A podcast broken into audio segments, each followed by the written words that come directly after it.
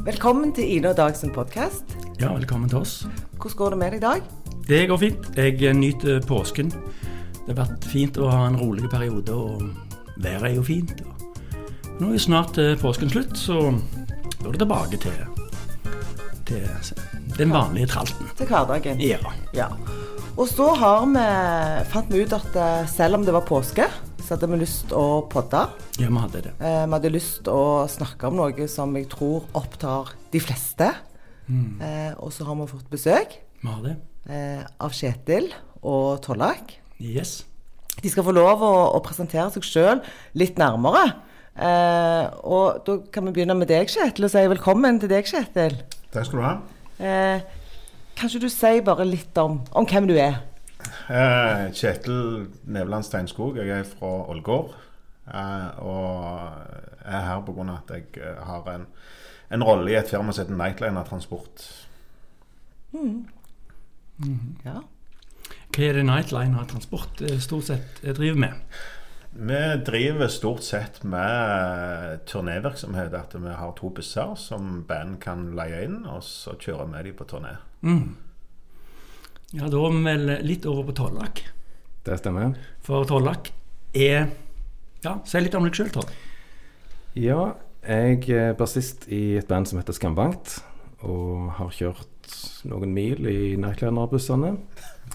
så, så der har meg og Kjetil en relasjon. Mm. Um, og det er vel der vi har kommet inn på det vi skal snakke om i dag òg.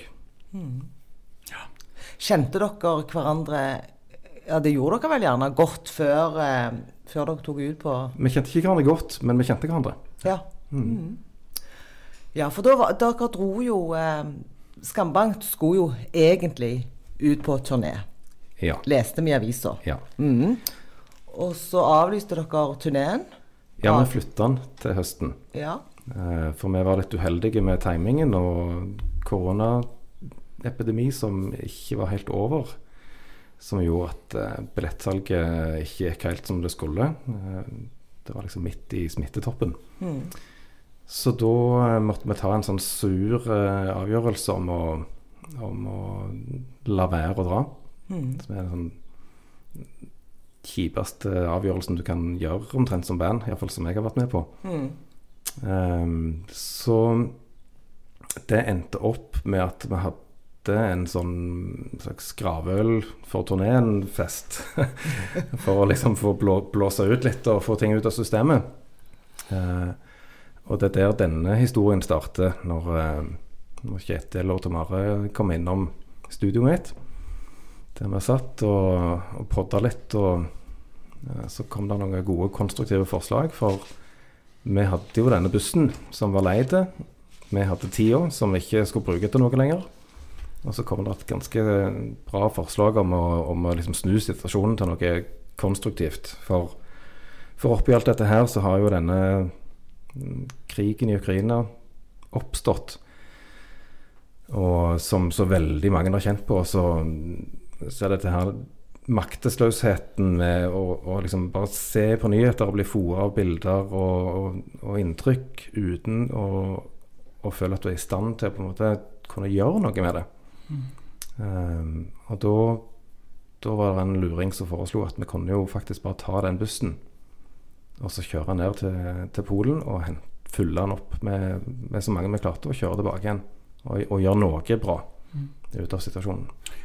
Det høres jo veldig enkelt ut, men jeg regner med at det må ha vært en god del ting som må falle på plass. Det er ikke som det ikke bare er å ta en svær buss, hive den på ferja og kjøre til Polen, eller Hvordan Ja. var planleggingen av dette? Nei, eh, vi bestemte oss jo for det, samme kvelden at vi, vi gjorde ikke dette uten at vi kunne gjøre det skikkelig. Vi hadde jo både lest i aviser og sett på nyheter om at, de, at det var folk som reiste ned uten en plan. Eh, og norske myndigheter var jo òg strenge på det, at det sto de ikke bak. Eh, så vi bestemte oss for at vi skulle ha alt på stell før vi, før vi reiste ned igjennom. Så det var vel egentlig meg og deg, Tollak, som begynte å ta noen telefoner rundt og ble enige om hvem som skulle ringe hvem. Og vi ringte jo både UDI og Flyktninghjelpen ringte vi til. Og, og så ringte vi rett og slett til den ukrainske ambassade.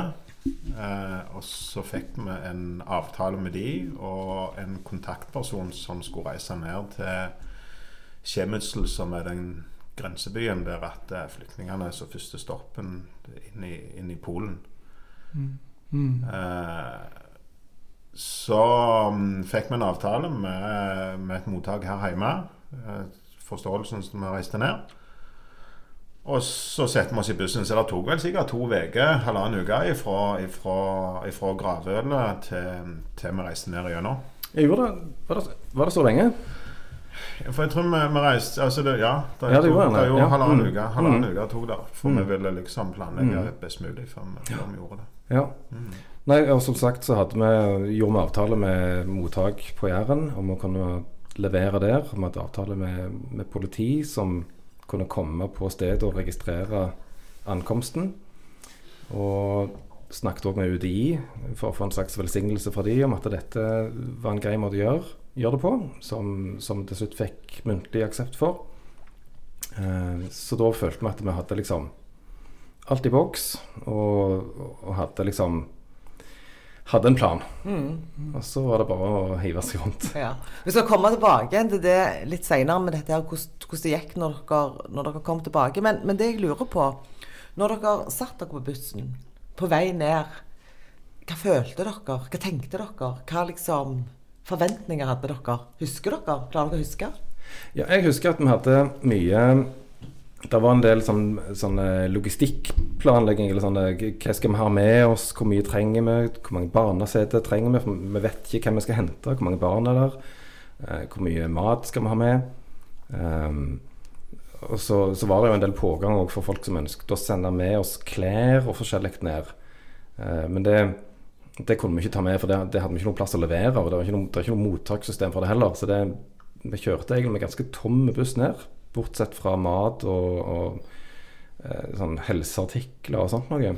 Men denne bussen altså, um, Hva buss er det vi snakker om? Hvor, hvor mange er det plass til i en sånn buss? Eh, det er plass til 38, inkludert sjåfør og, og guide. Eh, men eh, Men det var jo ikke det når vi Nei. bestemte oss. Nei, det var ikke det. For da, vanligvis så står det senger i, sånn at uh, Skambank skal få kunne sove når det er at uh, konserten er slutt. uh, så, så meg og Tamare, som, som eier selskapet, vi tok ut sengene og satte i setet. Men det er jo ikke en vanlig sånn rutebuss heller, så det er jo et veldig stort kjøkken i den, og, og det er en litt annen komfort enn det er i en, en vanlig rutebuss. Det kan vi si. Ja. Ja. Og så var det liksom Alt var planlagt og klart, og, og så hadde dere um, Jeg så at det var Jeg prøvde meg litt på Google Maps og fant ut at det var ca. 2000 km ned til denne byen. Mm. Du klarte å si navnet på den. Hva den heter for noe? Han heter Skjemutzel, men jeg vil ikke bli arrestert om jeg Nei, jeg, jeg prøvde å så Jeg så det og tenkte Det der klarer jeg aldri å si. Nei, det prøvde vi òg på. Brukte lang tid på det. Men du, du sier ikke de første bokstavene, Nei, sånn at det, det blir Skjemutzel. Men det var, men det var 2000 km. Ja. Og, og, det, jo, det tar jo sine timer. Og hva, eh, hva tenk, det som Ine spør om, hva, hva tenkte dere? Vi snakket litt om det, hva vi skulle forberede oss på og, av inntrykk, og hvordan vi liksom skulle håndtere situasjonen. Og det, det var det ingen som hadde noen gode svar på. Um, for du kan ikke forberede deg på det ukjente. Ehm, men du kan allikevel forberede deg på inntrykk. Så iallfall for min egen del så, så liksom eh, gjorde jeg meg Jeg gjorde meg klar for sterke inntrykk. Ehm, men mer enn det går det ikke egentlig an å gjøre. For du, du sitter i en helt nesten tom buss, og så vet du at om noen timer så sitter der kanskje svært traumatiserte mennesker, stort sett kvinner og barn, i denne bussen. Den følelsen kjente jeg på ganske sterkt den siste timen. Når vi var i, i Polen og nærma oss, da, da kjente jeg i magen at eh, nå liksom begynner det å bli alvor her. Det, det gjorde jeg. Men, og når dere kom fram, da, eh, til den byen som ikke jeg klarer å si navnet på Nei, det, vi kom ikke fram til den byen. For det at vi ble rett før vi kom til Krakow, så ble vi rett og slett omdirigert til Krakow av ambassaden pga. at uh, tilstandene i Krakow var så ekstremt kaotiske at uh, folk måtte ut ifra Krakow. På togstasjonen i Krakow så antok de sånn Husker du tallet? 20 000-30 000? Altså det, var, det var et helt sånn vilt høyt tall. Så når dere kom ned til, til Krakow, så sto der en hel haug med Med folk. Med på, folk. ja. Og det var militærvakter og politi og ja. Og, og de menneskene dere tok om bord i bussen, eh, hvem plukket de ut? Var de plukket ut på forhånd, eller var, eh, hvordan ordna dere det? Delvis. Delvis, ja. Det var, altså, I utgangspunktet så hadde vi en avtale med, med ambassaden som hadde sendt ned en representant til Skjemissel som, som skulle velge ut, eller finne liksom, folk til oss. da. Eh, og så når vi da måtte til Krakow istedenfor, så, så hadde vi tidligere i løpet av turen blitt kontakta av en som, som tilbød seg å hjelpe oss der. Så han hadde samla ei gruppe for oss som, som var klar og venta på oss. Og som hadde, hadde overnatta da på På gulvet ute. De Ja. ti minuttene så hadde det vært Ja. cirka den natta. ja. Men nå skal jeg spørre om noe sikkert litt sånn, helt sånn teit. Men så kommer dere ned der, og så kommer disse her på, på bussen. Hva, hva, hva er det første du sier til dem, da? Hello, welcome? Altså det Eller- første, det første synet syns jeg du skal fortelle om. For det, for det, var, det er jo en litt sånn spesiell historie med hun eh, dama der. Ja, for da vi kom til togstasjonen, og der var det jo som sagt så var det ganske kaotisk. Og vi måtte stoppe bussen, og vi fikk ikke lov å stå der. Og politiet var der, og ja, det var masse, så vi måtte, bussen måtte ta en runde. Så gikk meg og Tollak og Terje ut av bussen, og så han fått beskjed av han her kontaktpersonen at vi skulle møte han utenfor Burger King på togstasjonen i Krakow. Så meg og Terje Tollak gikk mot togstasjonen, nei, mot Burger King. Ja. Og inne på Burger King så så der ei eldre dame, og det som viste seg å være dattera. Og når de så oss komme gående bort blant 10 000 andre, så, så lyste det opp, og de begynte å grine og kom rett ut til oss. Det var veldig spesielt. Ja, det var Ja. veldig spesielt. Mm. For hvordan kunne de vite at, eh, at vi var Så kom de rett bort og sa Norway var vel i grunnen det de Mm. klarte å si. Eh, og så viser det seg det etter noen dager på turen at eh, jeg minte hun, hun eldre dama så veldig om sønnen, så hun så for seg sønnen som kom reddende ut ifra, ifra dette. her.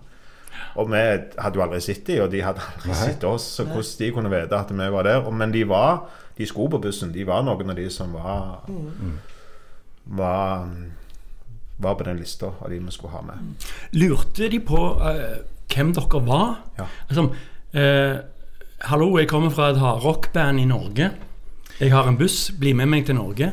Ja, ikke, ikke helt i starten så var det egentlig bare veldig kaotisk og veldig eh, hektisk å få alle om bord og få talt opp alle og få, få liksom kontroll på at alle var alle som skulle i bussen, var i bussen, og, og komme seg vekk så fort som mulig for å ikke, ikke liksom tette systemet der. Så, så den der um, påstigningsprosessen var veldig stressende. Eh, med liksom og med NTB som sto liksom inne i bussen og fotograferte. Og Det var veldig eh, Jeg kjente litt på det òg. Liksom. Det, var mange- det var mange ting som skjedde samtidig der.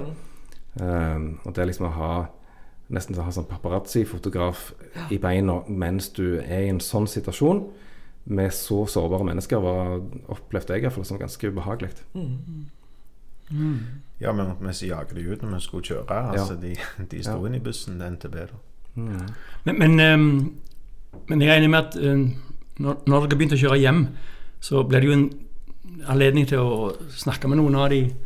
Og, og var det noen da som Brydde de seg om hvem dere var, eller var det liksom bare Dere Ja. var bare hjelpere en eller annen plass fra? Etter hvert, eh, den første timen i bussen, gikk med på å dele ut varme te og litt sjokolade og bare liksom litt sånn energi. Og få Folk var kalde og hadde venta lenge. Og var, jo sovet ute om natta. ja, altså det, var, det, det var jo som sagt det var ti minus. De har overnatta ute. Så, så folk var litt sånn ille tilrett, rett og slett. Og var mm, forvirra, og, for ting gikk så fort òg. Så, så den første timen gikk egentlig bare i liksom å Jeg tror folk trengte å, lande litt. Og så, så var det et liksom stemningsskifte etter en stund når, når liksom, Jeg tror folk, folk etter hvert fikk ro og så skjønte at nå, nå har de liksom klart å komme seg om bord og komme seg vekk. Men det tok litt tid eh, å, å, å finne den der ja, roen, da. Og så så var det vel eh, Natalia, hun tolken vår, som hadde en ånde og snakket litt med folk. For, for i begynnelsen så i begynnelsen så var kommunikasjonen ganske begrensa, opplevde jeg det som. Kunne de eh, engelsk, noen av disse? Vi trodde ikke det, for de snakket ikke engelsk. Men det har jo vist seg i ettertid, iallfall når vi var nesten hjemme, at eh, mye mer eh, av de kunne engelsk enn det vi trodde. da Fordi Ja. de var litt skeptiske og torde nok ikke helt snakke med oss. og sånn Men det, er, det var noen av de Men det er svært begrensa, for de kom ifra Det var jo fra Tsjarkov, Odessa og, og den mm. Bulsja den het Altså Det var disse her hardt ramma byene øst i Ukraina de kom ifra. og Der er i mange av byene faktisk russisk hovedspråket. Altså det er, var, Ja. De lærer ikke ukrainsk, de lærer russisk. Nettopp. Nettopp. Um, husker dere noe var var det noen Sa de noe om det de hadde opplevd? Ja, etter hvert så kom det jo litt historie. Ja. Eh, Kan du si men, litt om det? Men, men, eh, men vi har Ja, det kan jeg si litt om. Men, men ikke, sånn, ikke sånn veldig mange historier. Det valgte vel vi òg egentlig ikke å liksom grave så mye i det. For det eh, Det må jo de velge sjøl hva de ønsker å dele. Det, for det var Vi var ikke på en måte sånn eh, Hva skal jeg si Turister for å oppleve Sånn krigsturister. Nei. Eh, Mm. så, men men ehm, vi hadde jo han gutten vår på fire år som, ehm, som vi fikk litt historier rundt. En, en fireåring som, som opp, vi opplevde som ganske sånn apatisk og eh, spiste ikke, sov ikke og var veldig sånn på, på liksom å hjelpe mora med alt hele veien. Og, og etter hvert så kom liksom historien hans fram at han han hadde starta turen i bomberom med flysirener og bombe ut forbi, og tanks som kjører, og folk som skyter. Eh, og, og liksom når, Og så er det jo De bomber jo som regel om natta. Og når morgenen kommer og det blir lyst ut, og det liksom roer seg ned, så er liksom neste skritt i hans reise å si ta, ta farvel med faren sin, som, som skal være igjen hos oss.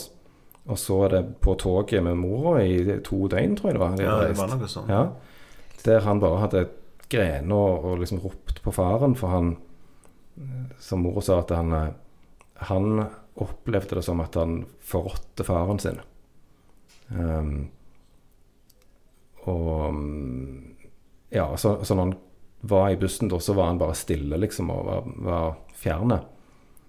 Um, så, så det, var en, det var en ganske sånn vanskelig, vanskelig historie å forholde seg til. Um, og vi, meg og Kjetil fikk liksom litt kontakt med han på slutten av turen. For da ville han sitte med oss, med mennene. Uh, sitte med mannebordet. ja. Um, og så var det en episode der det var en laptop liksom, som nesten sklidde av bordet i en sving, og så, så ble det litt sånn tumulter, og så var det en hund som skvatt litt, og så, så ble han veldig sint på hun, hun tolken vår som, som nesten mista laptopen. For at hun skremte hunden, og hun skremte han. Og, og da liksom Da tenkte han på alle de der tanksene og bombene og, og skumle lys og sånn, og så skjelte han jo rett og slett ut, da. Så, så men, men så var det akkurat som det liksom åpna opp en kanal i han da. Fra liksom være helt apatiske, så, så fikk han ut noen følelser på den måten. Og så, så ble han tiltalende etterpå og liksom fortalte masse ting og satt og snakket lenge med og Ja, han satt og snakket og snakket med, med meg og deg, og vi forsto Ja, ja. ingenting av det som han sa, men han bare snakket og snakket Ja. og snakket. Ja. Men ja, sånn, en annen detalj da som, som jo er liksom Som ga et sterkt inntrykk på meg, var at han For vi prøvde å gi han noe Lego og biler og sånn, et eller annet sånn han kunne leke med. Så han prøvde liksom å få opp humøret til han sånn tidligere. Han, han ville ikke ta imot noen leker. Og biler og sånn. Han trengte jo ikke det, for det, det hadde han jo så mye av hjemme. Han har jo liksom alle lekene han trenger hjemme. Så han trenger ikke noe nytt. Men det, det er ikke noe hjem å dra hjem til. Men det visste ikke han ennå. De, altså det er jo klart at eh, det er, de har jo inntrykk som kommer til å sitte ganske lenge, Mm. eh, vil jeg tro. At, eh, at eh, Sikkert egentlig de trenger nok en veldig bra oppfølging eh, av profesjonelle, vil jeg tro. ja. Ja, spesielt han gutten. Det, det gjorde vi en liten innsats for òg. Så han eh, Vi var i kontakt med flere psykologer, og, og til slutt så, så ble det vel en, en ukrainsk barnepsykolog, faktisk, som Ja. kobla på. Første, første to døgna i Norge så bodde de hos en ukrainsk familie, og, og han fikk hjelp av en ukrainsk psykolog. Og vi traff han etterpå når vi kom og, og henta dem på Energy Hotel i Stavanger. Så kom han springende imot meg og hoppa opp og liksom og Treffer du han nå, så kommer han med en gang og high five. Og, Var de, var de Altså, de sitter på en buss, og så skal de, de skal til et, et sted som heter Norge. Kanskje de ikke har tenkt så veldig mye på Norge så langt i livene sine, men, men nå skal de der. Var de opptatt av eh, Spurte de om, spurte de om Norge? Var de nysgjerrige på det, eller var det bare å komme seg vekk? Samme kor. Ja, Vi viste jo litt bilder og fortalte litt om Norge og hvor de skulle, og, og forskjellige liksom Ja, sånn eh, highlights fra Norge og hva de Prøvde å forberede dem litt rett og slett på hva de, hva de kommer til.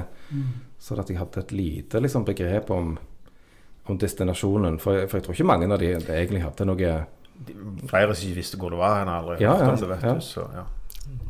Det, det, det er så rart, for når, når dere sitter og, og forteller, Tollek og Kjetil, så er det liksom På en måte så er det så nært, men på en annen måte så er det så fjernt at noen Altså, krigen pågår jo fortsatt i Ja. dag, og så tenker du liksom Skal det aldri ta slutt? Senest i dag så så jeg et eller annet greie, jeg tror det var i VG, der det lå eh, bilder av avdøde sivile på bakken.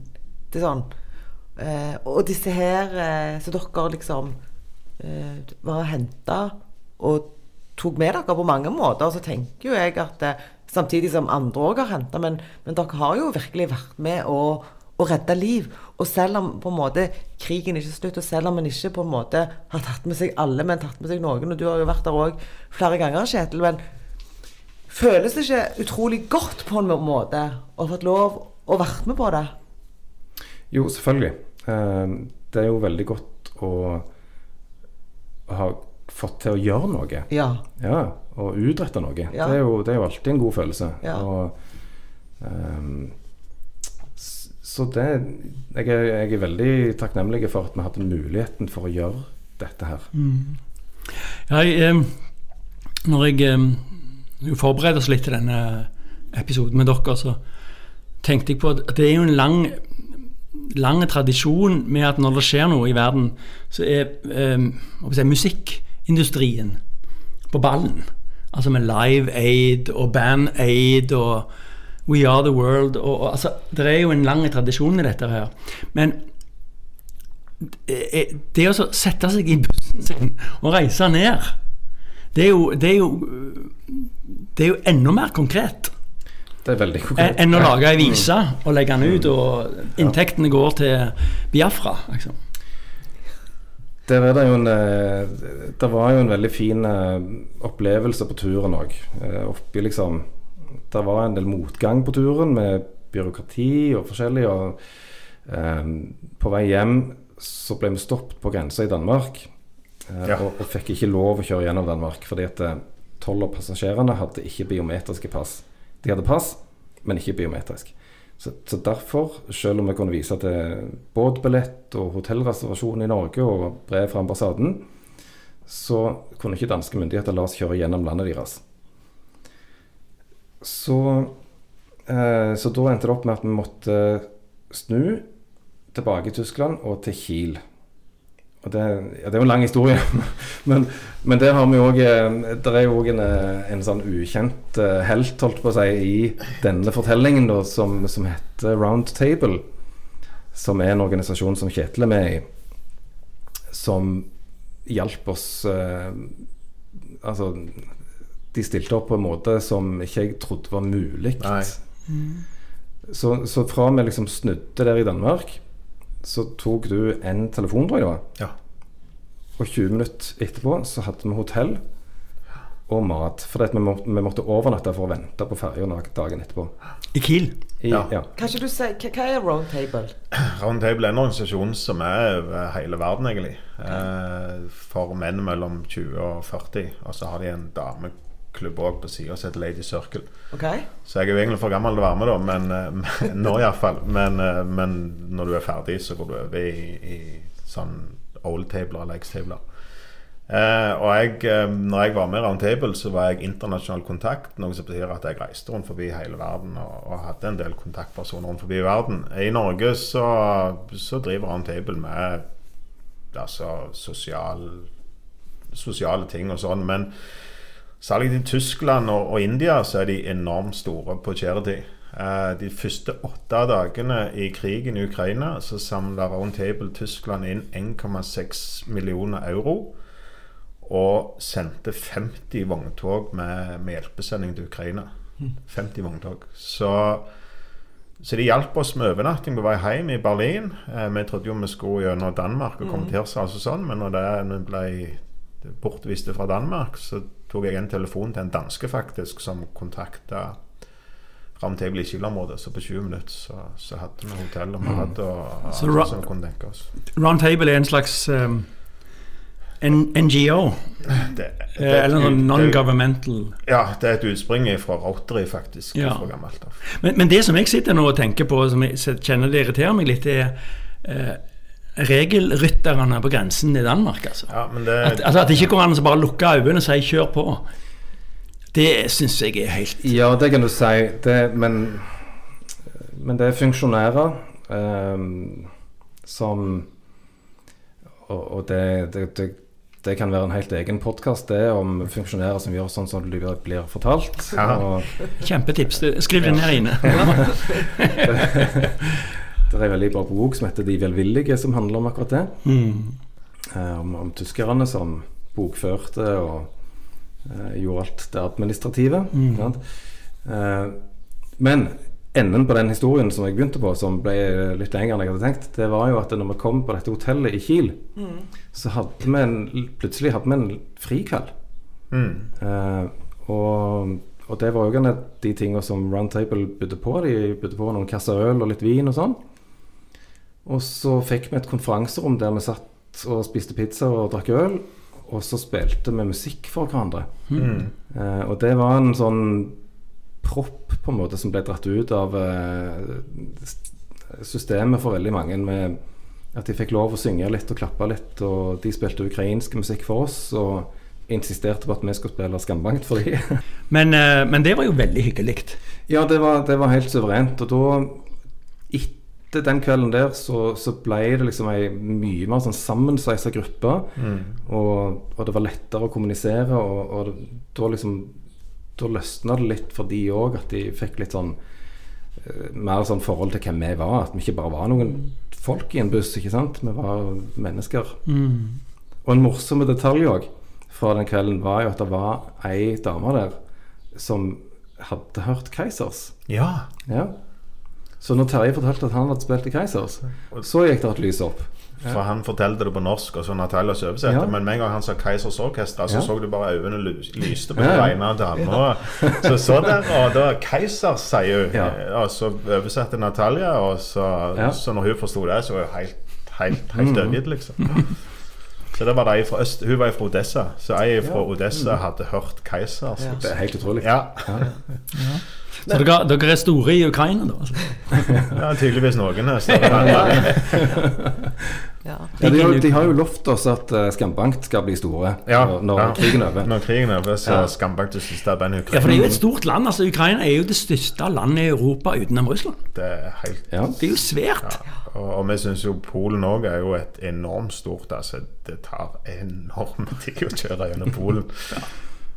Ja da. Det, det er langstrakt. Men, men du spurte litt tidligere om dette her med følelser når vi reiste ned. Og jeg skal ikke snakke lenger om det, men, men det som jeg syns Det er iallfall Tollak for å snakke for seg sjøl, men, men det har vært utrolig godt å ta den reisen med folk som du er så trygge på som vi er med hverandre. For vi kan snakke om alt mulig. Og hadde du reist med fire-fem som du ikke kjente på samme måten, så tror jeg det hadde vært mye vanskeligere.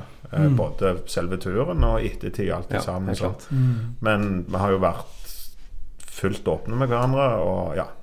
Så, så det har vært litt terapi Det var- i seg sjøl, Det for meg ja, i hvert fall. Ja, og, og det var jo noe vi hadde Vi hadde en diskusjon om det før vi reiste òg. Mm. For vi var jo Vi var jo en del som reiste ned. Vi var seks personer. Eh, Og, og, og vi diskuterte om vi skulle være så mange. Fordi at det, det, er jo, det er jo seter i bussen til Mm. folk som kunne blitt med tilbake igjen. Men pga. alt som skjedde, og alle telefonene som måtte tas, og alt som måtte organiseres og fikses, og eh, så, så måtte vi vært så mange på, på den turen. På den turen. Ja. er. Så, og så var det Så var vi jo ekstremt heldige òg med Natalia, med, med tolken. Det er òg et sånn, sånn lykketreff av en person Ja. å bli kjent med, altså. Ja. Hvordan fikk dere tak i henne? Det var ukrainske ambassaden. Eh, så var det hun representanten og frivillige rundt der som, som ordna det. Eh, så var det liksom hvor vi skulle reise ifra. Og først så det, skulle vi egentlig reise fra Stavanger. Men så var den ferja fra Stavanger til Hirtshals den var ute av drift i to dager pga. service akkurat når vi skulle reise. Så da ble det bestemt med å reise fra Kristiansand. Og så skaffet de en tolk i Kristiansand som sto og venta på oss før vi skulle hoppe på ferja. Og hun hoppet Ja. Ja. hun stilte, sto der på Circle K-en rett Og, og, og var det òg en eh, var, hun frivillig, eller ble hun Ja. liksom betalt av ambassaden, eller noe sånt? Nei, Nei. hun, hun er jo den ukrainske foreningen, så Ukraina har en forening i gården i de fleste fylkene. Så hun gjorde det som en, som en innsats, som en dugnad? Ja, hun har familie. eh, familie. Hun er faktisk i Lviv akkurat nå. Å, ja. Ja, Lviv, det, det er den byen som ligger nærmest grensa til Polen. Eh, altså fra den byen Nærmest storbyen, ja. Altså fra Lviv til, til den byen som ikke klarer å uttale, ja. så er det vel bare noen Det er ikke så mange kilometer. Ja, jo, jeg tror det er 20 mil, sikkert. Eller Det er nok ganske langt, ja, men det er jo um, det er nært Det er så store avstander, så på kartet så ser det kort ut. Ja, det stemmer det. Men, men nå er Nå er disse um, uh, ukrainerne plassert rundt omkring. Mm. Uh, har dere hatt kontakt Jeg Forsto dere at dere har hatt kontakt med han gutten? Og, og Ja, Vi får jo litt meldinger fra dem hvordan det går, og litt sånn, og Ja. de er ikke plassert så veldig rundt forbi. For jeg tror mesteparten av de fortsatt bor på Thon-hotellet her i Stavanger, som, som de ble sendt til etter registrering. Mm. Eh, jeg vet der er um, hun mor og dattera som jeg snakket om tidligere, de eh, har uh, flytta opp til Kvinnherad kommune. Utenom det så, så, så tror jeg faktisk mesteparten fortsatt bor på hotellet og venter på å bli bosatt. Men IMDi har ikke, ja, har ikke bosatt noen. Nå vet vi jo ingenting om hvordan denne krigen eh, ender. Eh, men jeg, jeg sitter med en følelse av at mange som har flykta, vil hjem igjen. Ja. Altså at, at de eh, At de ikke Ja, blir det, liksom, fortalt, det tror jeg Natalia skrev litt om, at når hun kjørte tilbake til Ukraina, så var det, så var det kø omtrent for å komme inn i landet. Ja, for, for det, så frem til nå så, så har ikke russerne bomba så veldig mye vest i Ukraina. Så vest i Ukraina så er det faktisk fortsatt som det ikke er noen krig helt til i dag morges i alle Helt til fall. nå, ja. Så der, eh, der gikk av en del bomber i, i natt eller i, i natt i dag. Men, men ellers så er det kun én gang tidligere de har angrepet Ja. Lviv. Men, men er det sånn, de som dere hadde med dere på bussen, dere var jo med i Hvor mange døgn var dere sammen med dem? Fire, tre, fire Ja, men vi fikk litt ansvar for dem når vi kom hjem igjen, så Ja. det, det ble jo litt lenger. Ja, Det ble litt Der, ekstra på så, ja. slutten. Ja, Ja. for det ble, var, ble litt sånn Ja. eh, Men tre, tre døgn, ja. ja. Men er det, er det vanskelig å, å glemme dem? Altså, på det at noen av disse Disse vil dere jo kanskje aldri se igjen? Eh, Eller, eller tenker dere Ja. altså nå, er- nå er det noen Det er bare sånn Jeg hadde personlig tenker jeg at jeg hadde syntes det var så vanskelig å si, si ha det til dem igjen. For jeg hadde visst at de liksom At alt var i orden. Det tror jeg er veldig individuelt. Ja. Um, jeg gikk noen runder på det for meg sjøl, og, og måtte egentlig bare bestemme meg for at når, når de var på dette registreringshotellet på Sandnes, og de på Ja. en måte var i norske myndigheters ja. favn, så da kunne jeg slippe taket, og, og at jeg kjente at jeg måtte slippe taket. da. Mm. For hvis ikke, så, så er det veldig fort gjort å bli spist opp Ja, absolutt. Uh, av, av en sånn ansvarsfølelse for, for så mange mennesker. Mm. Og det, det var ikke det som var jobben heller. Um, og, og da må vi på en måte stole på at eh, systemet i Norge kan, uh, kan ta vare på folk videre. Men det er jo sånn som du sier, en hører jo om sånne F.eks. noen som har redda noen i et snøskred, f.eks. Og så, når du liksom har gravd de opp og levert de til sykehuset, så er det din jobb er ferdig. Men at de allikevel treffes etterpå. Og at eh, kanskje får de et spesielt forhold til en redningshund, eller et eller annet som har redda de. Og at de knytter bånd, som, som kan vare ganske lenge. Det tror jeg, Men det, det, det er noe forskjell på hvis det er i gruppe, og hvis det er en, et individ. Det tror jeg. Og jeg, og jeg syns det som, som du sier, Tollak, dette her med at uh, du måtte bestemme deg litt ikke sant, på forhånd. For det at hvis ikke, så kan du bli spist opp. Og, og det som jeg sitter igjen med når dere forteller, til å være Dere er jo helt vanlige mennesker og jobber ikke som innenfor dette yrket. Altså hvor, hvor profesjonelle, hvor, hvor planlagt og hvor liksom hvor utro, Jeg er så imponert over liksom eh, logistikken, sånn som dere har planlagt, sånn som dere har tenkt. Ja. Virkelig, altså. Vi har nok bare tatt med oss ting fra jobbene våre Ja. og, og, og liksom bare Ja. lagd i en annen setting. Så, for jeg, Ja. jeg syns jo det at Det Rene sånn overføring av Ja, eh, erfaring. Ja, for at du reiser kanskje på turné, og da er det jo masse byer og hoteller og titt og datt. Og det er alltid uforutsette ting som skjer. Så Ja, og det skjer på, mens du sitter på bussen, så er det plutselig en avlysning, eller ja, heldigvis er det ikke det så ofte, men, eh, Men- men- men, eh, at det, det skjer ting underveis, det, Ja. det er vi jo vant med å bare liksom forholde oss til der og da, og så ta tak i det. Um, så det tror jeg kom godt med. Og så er for, Folk er forskjellige òg, for noen er jo veldig avhengige av å ha en plan og vite alt som skal skje hele veien. Og så, eh, så er det det er én måte liksom å, å håndtere virkeligheten på, så går det an å bare liksom ta ting på sparket og bare ta tak i det. overraska over hvor fort vi liksom tildelte roller av oss eh, som var på bussen, liksom. Altså, det var nokså satt, og jeg prøvde meg på Tollak sin oppgave én gang. Eh, det gikk i tre minutter. Så, ja, så Hva var det- hans oppgave? Jeg, Han hadde mye av den kontakten mot myndighetene. Altså, det var han som holdt på å maste og Ja. purre på UDI og Råde, mottak i Råde og alt. Hero sånt. Hero ja. og alt i sammen. Så det var liksom Det var han som var sjef. Men du, du hadde vel et område som hatt Ja, jeg hadde jo mest det, jeg hadde logistikken. Og så var det dette med, ja, jeg kjører ikke. Men oh, nei, nei. Så de sjåførene de fikk lov å kjøre. De, Mm. de trenger ikke tenke på andre ting enn det. Men så hadde jeg en del av logistikken rundt, og så hadde jeg også en del av kontakt med politiet, som jeg tror jeg var det letteste myndighetsorganet å ha kontakt med. da. Ja. Vel, um, altså dette var jo Det var utrolig spennende å høre dere fortelle om den reisen. Få litt mer sånn detaljer inn i det. Men eh, det er jo noe som skjer om ikke så lenge. Er det den 24. Nei, 28. Nei. 28. april så er det konsert i Folken. På Folkene? Mm. På folk, er dette på Folken? I Folken? Det er jo i Folken, egentlig. Ja, men det er jo inni. Er jo inni. Nå var det plutselig en grammatikkproblem.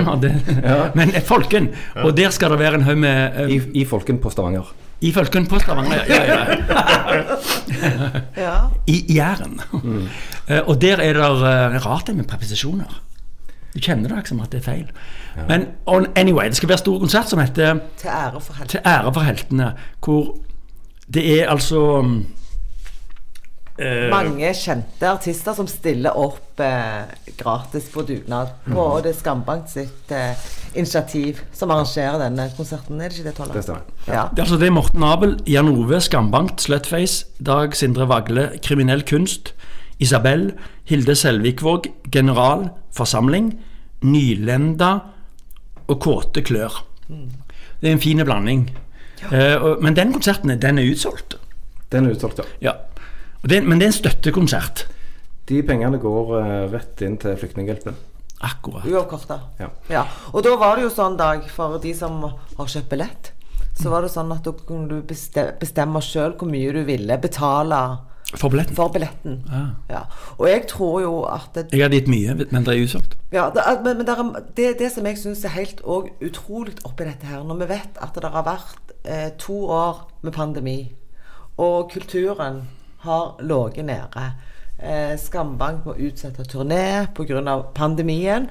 Allikevel så klarer liksom eh, altså musikerne i byen fri, altså, på, på ny, liksom, bare spille opp til, eh, til dugnad.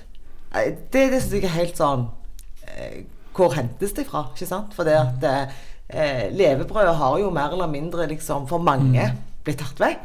Men allikevel så er det bare OK, nå tar vi en, en ny dugnad. Jeg syns det står så mye respekt av det òg, for det, er jo levebrødet til mange. Ja. Men det, det var jo fint. Jeg visste ikke det at du be- bestemte selv billettprisen, men det, men det var jo veldig bra detalj. Men jeg forsto det sånn at, eh, at det var en spleis på dette her, men den var, var den vekke nå? Ja, den er vel avslutta nå.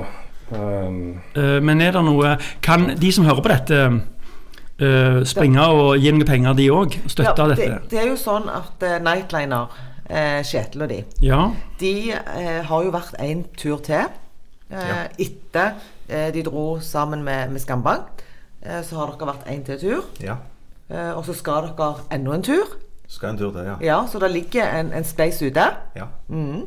Eh, så vi vil oppfordre folk til, til å støtte. Altså den legger vi, vi legger lenken, linken, lenken til det nederst i, i episoden. Så for de som hører, så er det bare å gå inn og, og bidra. Eh, og jeg tenker det er jo sånn at eh, alle eh, kan ikke reise ned og hente, og derfor er det fint at det er noen som reiser ned, og så kan andre støtte på andre måter. ja. Når folk kjører 4000 km for å hente flyktninger, så kan du godt gi noen kroner eh, på Space. Ja. Det, var, det er i hvert fall min oppfordring. Ja. Men, men eh, før vi, vi avslutter, er det noe, noen sånne refleksjoner, uh, Kjetil og Tollak, altså, som er sånn, som dere vil liksom ta med sånn helt til slutt, som et sånn sterkt minne fra, fra den første turen? Som du liksom tenker OK, eh, dette vil jeg alltid ta med meg som, som menneske. Eller har, har, for- har han forandra seg på en eller annen måte, på et eller annet plan, etter å ha vært gjennom noe sånt? Det som jeg sitter igjen med, er en, en slags bekreftelse av den iboende godheten i mennesker. At uh, alle vi møtte på vår vei ja. alle, Altså alle, og da, men da ekskluderer vi uh, myndigheter. Men alle I Danmark? Alle liksom, ja, Norge òg. Ja, i Norge også, ja, okay, ja. Men, men privatpersoner og mennesker Ja. eh, visste ikke hva godt de kunne gjøre for oss på veien. Nei. Og, og alle hadde Alle er veldig prega av dette her, for det er så nært, og det er så eh, Det oppleves jo som, som hjemme, nesten. Det ser ut som det ser ut som det foregår på Jæren, dette her. Eh, at alle, alle har lyst og har et behov for å gjøre noe. Og, og det liksom å, å, å kunne tildele en oppgave til noe, sånn, noe sånn som når vi, vi samla inn klær, f.eks. Vi fikk inn Jeg vet ikke hvor mange tusen plagg vi fikk på to timer, men det var helt sånn eh, absurd. ikke sant? Men, men det er akkurat som folk bare venter på liksom, å få en sånn instruks på, på hva kan jeg gjøre. Og så, å ja, takk, liksom. Det, det gjør jeg med en gang. Um, så det, det, det jeg tar med meg videre, det er at eh, folk er veldig gode da, og har lyst og behov for å hjelpe. Og det, det, gjelder, det gjaldt i grunnen alle, ikke bare når vi kom hjem. Eh, altså med, med Sola strandhotell og Energy Hotel i, i Stavanger, som stilte opp i og med at vi, vi måtte eh, ta Og litt ansvar. Kiel-ferja. Kiel-ferja, mannskapet der, og til og med grensepolitiet i Danmark eh, vil jeg òg. Altså for det med at de rei reglene, så så, De bøyde de på- litt òg. De bøyde de litt òg, Ja. de gjorde det. Var det sånn at dere fikk eh, Kiel-ferja Fikk dere gratis billetter på det? Nei, altså, men vi, altså, alle, ferjene får vi 50% på. Det, det, gjelder, det gjelder i dag òg, det. Altså, okay. så, så du får halv pris på, på alt de sammen. Men mannskapet om bord kom jo med leger til ungene. Ja. Ja. De, de samla inn, og, og tollerne i Tyskland For i, når du kjører i Tyskland så med, med tunge kjøretøy, så er det kilometertakst. Og når de fikk vite om at ukrainske flyktninger om bord på bussen, så bare reiv de sunt erket og ga oss et annet. Og så var det bare å kjøre av gårde. Sånn at, med, sånn at de, folk var behjelpelige. Bensinstasjonen i Hva det heter Brogalandsheia, det det heter. Kom ut med noe juice og Ja, ja, ja. til ungene. Altså overalt som vi var. Det er godt å få bekrefta det en håper på, at folk er, er stort sett eh, gode. Ja. Eh, Så Men, men når jeg, tenker, jeg tenker på Du Torleik, du spiller jo i Skambankt. Og dere lager musikk. Jeg går ut fra at dere har tenkt å lage eh, musikk i framtida òg. Tror du at dette kommer til At det finnes disse inntrykkene finner en vei inn i, i musikken? At, at den liksom Ja, jeg, Jeg tenker på dere har jo den der- jeg, Jeg satt og tenkte på det når jeg kjørte bort her. Tilfeldigvis. Um, jeg satt og hørte på Aksept, og så fikk jeg lyst til å lage knallhard musikk. Og, um, og få ut litt aggresjon mot uh, enkelte krefter i verden. Så, så det kan godt være at det preger musikken, ja. For vi har jo, vi har jo promotert denne episoden med, å, med tittelen 'Horisonten brenner'. Som dere vel skrev for et par år siden. Den tittelen sammenfalt jo med forrige gang det var flyktningkrise. Når det, når det brant i Syria. Mm. Mm. Så den, den eh, låten har en slags opphav i noe av det samme problembildet, for å si det sånn.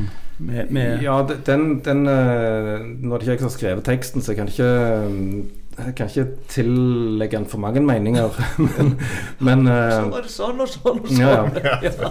men, men altså, altså, det er jo et eh, Det var jo tidsbildet på den tida i, i 2015-16 når den ble skrevet, når, når det var veldig mye uro i verden, og, og polit, altså politisk uro, krig, eh, som, mm. som var utenfor grensene våre. Litt med Trump og ja. Ja. Men da, da legger vi Spotify-linken til den låten òg i, i episoden. Og Det, det- det, er veldig bra. Jeg, jeg hørte gjennom den i dag, faktisk. Ja. Det er en veldig fin låt. Ja. Og det som jeg òg tenker eh, Ikke det altså klart at Nightliner Dere har, har én rolle, ikke sant? Og, og Skambank har en annen rolle. Så tror jeg det at når en på en måte spiller i et band, eller er en, en, noen, noen kjente personer Det å være Å gjøre en sånn ting tror jeg kan være med og, og, og bidra til at, andre, at, mer folk òg blir engasjerte. Altså du Ja. blir et forbilde på mange måter. Det, det tror, altså, jeg, jeg tror altså, at, at liksom Oi, kan, hvis de kan gjøre det, da kan vi òg gjøre Ikke nødvendigvis det samme, men noe lignende. At dere vil inspirere til folk, altså folk til å, å hjelpe, tror jeg. Ja, forhåpentligvis. Det er jo, eh, det er jo egentlig Nightliners eh, Transport som er, er bak, altså bakmennene for hele opplegget her. Ja. Eh, så så så var vi med, for det var jo eh, på en måte vi som hadde bussen og hadde leid den, og, og var med på ideen. Men, men og, og, på veien ned så ble det jo veldig mye press rundt dette. Litt sånn utilsikta, egentlig. Um, og så valgte vi at ok, vi skal ta de telefonene, og så skal vi snakke om det, og så skal vi fokusere på nettopp det. Hva kan, hva kan du gjøre som leser dette, eller som hører dette på radio? Eh, for, for det var jo noe som folk oppriktig lurte på, og lurer sikkert på ennå. Hva kan jeg gjøre? Um, så, så det er liksom Det er jo en slags oppfordring da til å gjøre det du kan, da. Og så tenker jeg jo det, det Kjetil, at det at dere bruker bussene deres til eh, tur etter tur, det er jo eh, helt fantastisk. Og det skulle bare mangle, sånn som vi sa tidligere, at folk ikke eh, At det er bare å bidra, tenker Ja, jeg. men så tenker jeg eierskapet ligger jo eh, i, i Skambank til oss. Altså det var jo, så Vi har jo snakket jo med Tollak og Terje hele veien på tur to òg, sånn at vi, vi føler jo at det er, som jeg sa tidligere, ei sånn sammensveisa gruppe som har jobba i lag for dette. her. Skal vi begynne å runde litt av? Jeg føler Altså, jeg, jeg blir veldig inspirert av dette her. Og, og jeg oppfordrer igjen alle til å sjekke den spleisen som legger ut i episoden. Og, og så, Jeg vet ikke om dere har lyst å Om dere har noe noe dere har lyst til å si til slutt. Jeg, jeg kunne jo snakket i timevis om dette. her Jeg, eh, ja, etter vi kom hjem fra første turen, så, så var jeg i Round Table faktisk. På, der jeg møter en gang i måneden for oss som er pensjonister. Eh, og, så, og der har du hver gang så har du en sånn at det, det er en som skal finne på et eller annet. Og så måtte han trekke seg, han som skulle, skulle ha program den kvelden. Og så spurte de meg, og da tror jeg jeg sto og snakket i 45 minutter non stop liksom bare om, Ja. om, om turen. Og det var kun et én tur. Nå er det én tur til, så jeg kunne sikkert snakket i, i, i et par timer om så. var- Men ja. Du må skrive bok, Kjetil. Skrive bok, ja. Ja. jeg ja. Ja. Nei, men det er som, som du sier, Dag, at eh, det, det, det folk godt kan gjøre, det er jo faktisk å bidra på den spleisen, sånn at det, sånn at det kan hentes ut flere folk. For det er en direkte måte å hjelpe folk ut av, eh, av en veldig vanskelig situasjon. Da vil jeg eh, si tusen takk at dere kom. Det var veldig, veldig kjekt å, og ha det greia, selv om det er strålende vær ute. Så jeg, men nå sitter vi inne i skyggen her inne. Men, men jeg tenker at det, det å Vi må komme oss ut. Ja, det må vi. Men, men jeg tenker det, det å sitte inne, eh, bruke tid og, og snakke om dette temaet, det syns jeg er, er kjempeviktig. Og så vil vi bare ønske deg masse lykke til på, på neste tur, Kjetil. Jo, takk. Eh, Begynner blir bli kjent med veien, regner jeg med. Ja, det var sjåførene fra før av. Det er Erfarne utenlandssjåfører. Så det, Akkurat. der kunne de mest i blinde. Akkurat, ja, fint. Ja vel. Takk for at dere kom. Takk skal dere ha. Ha det godt. Ha det.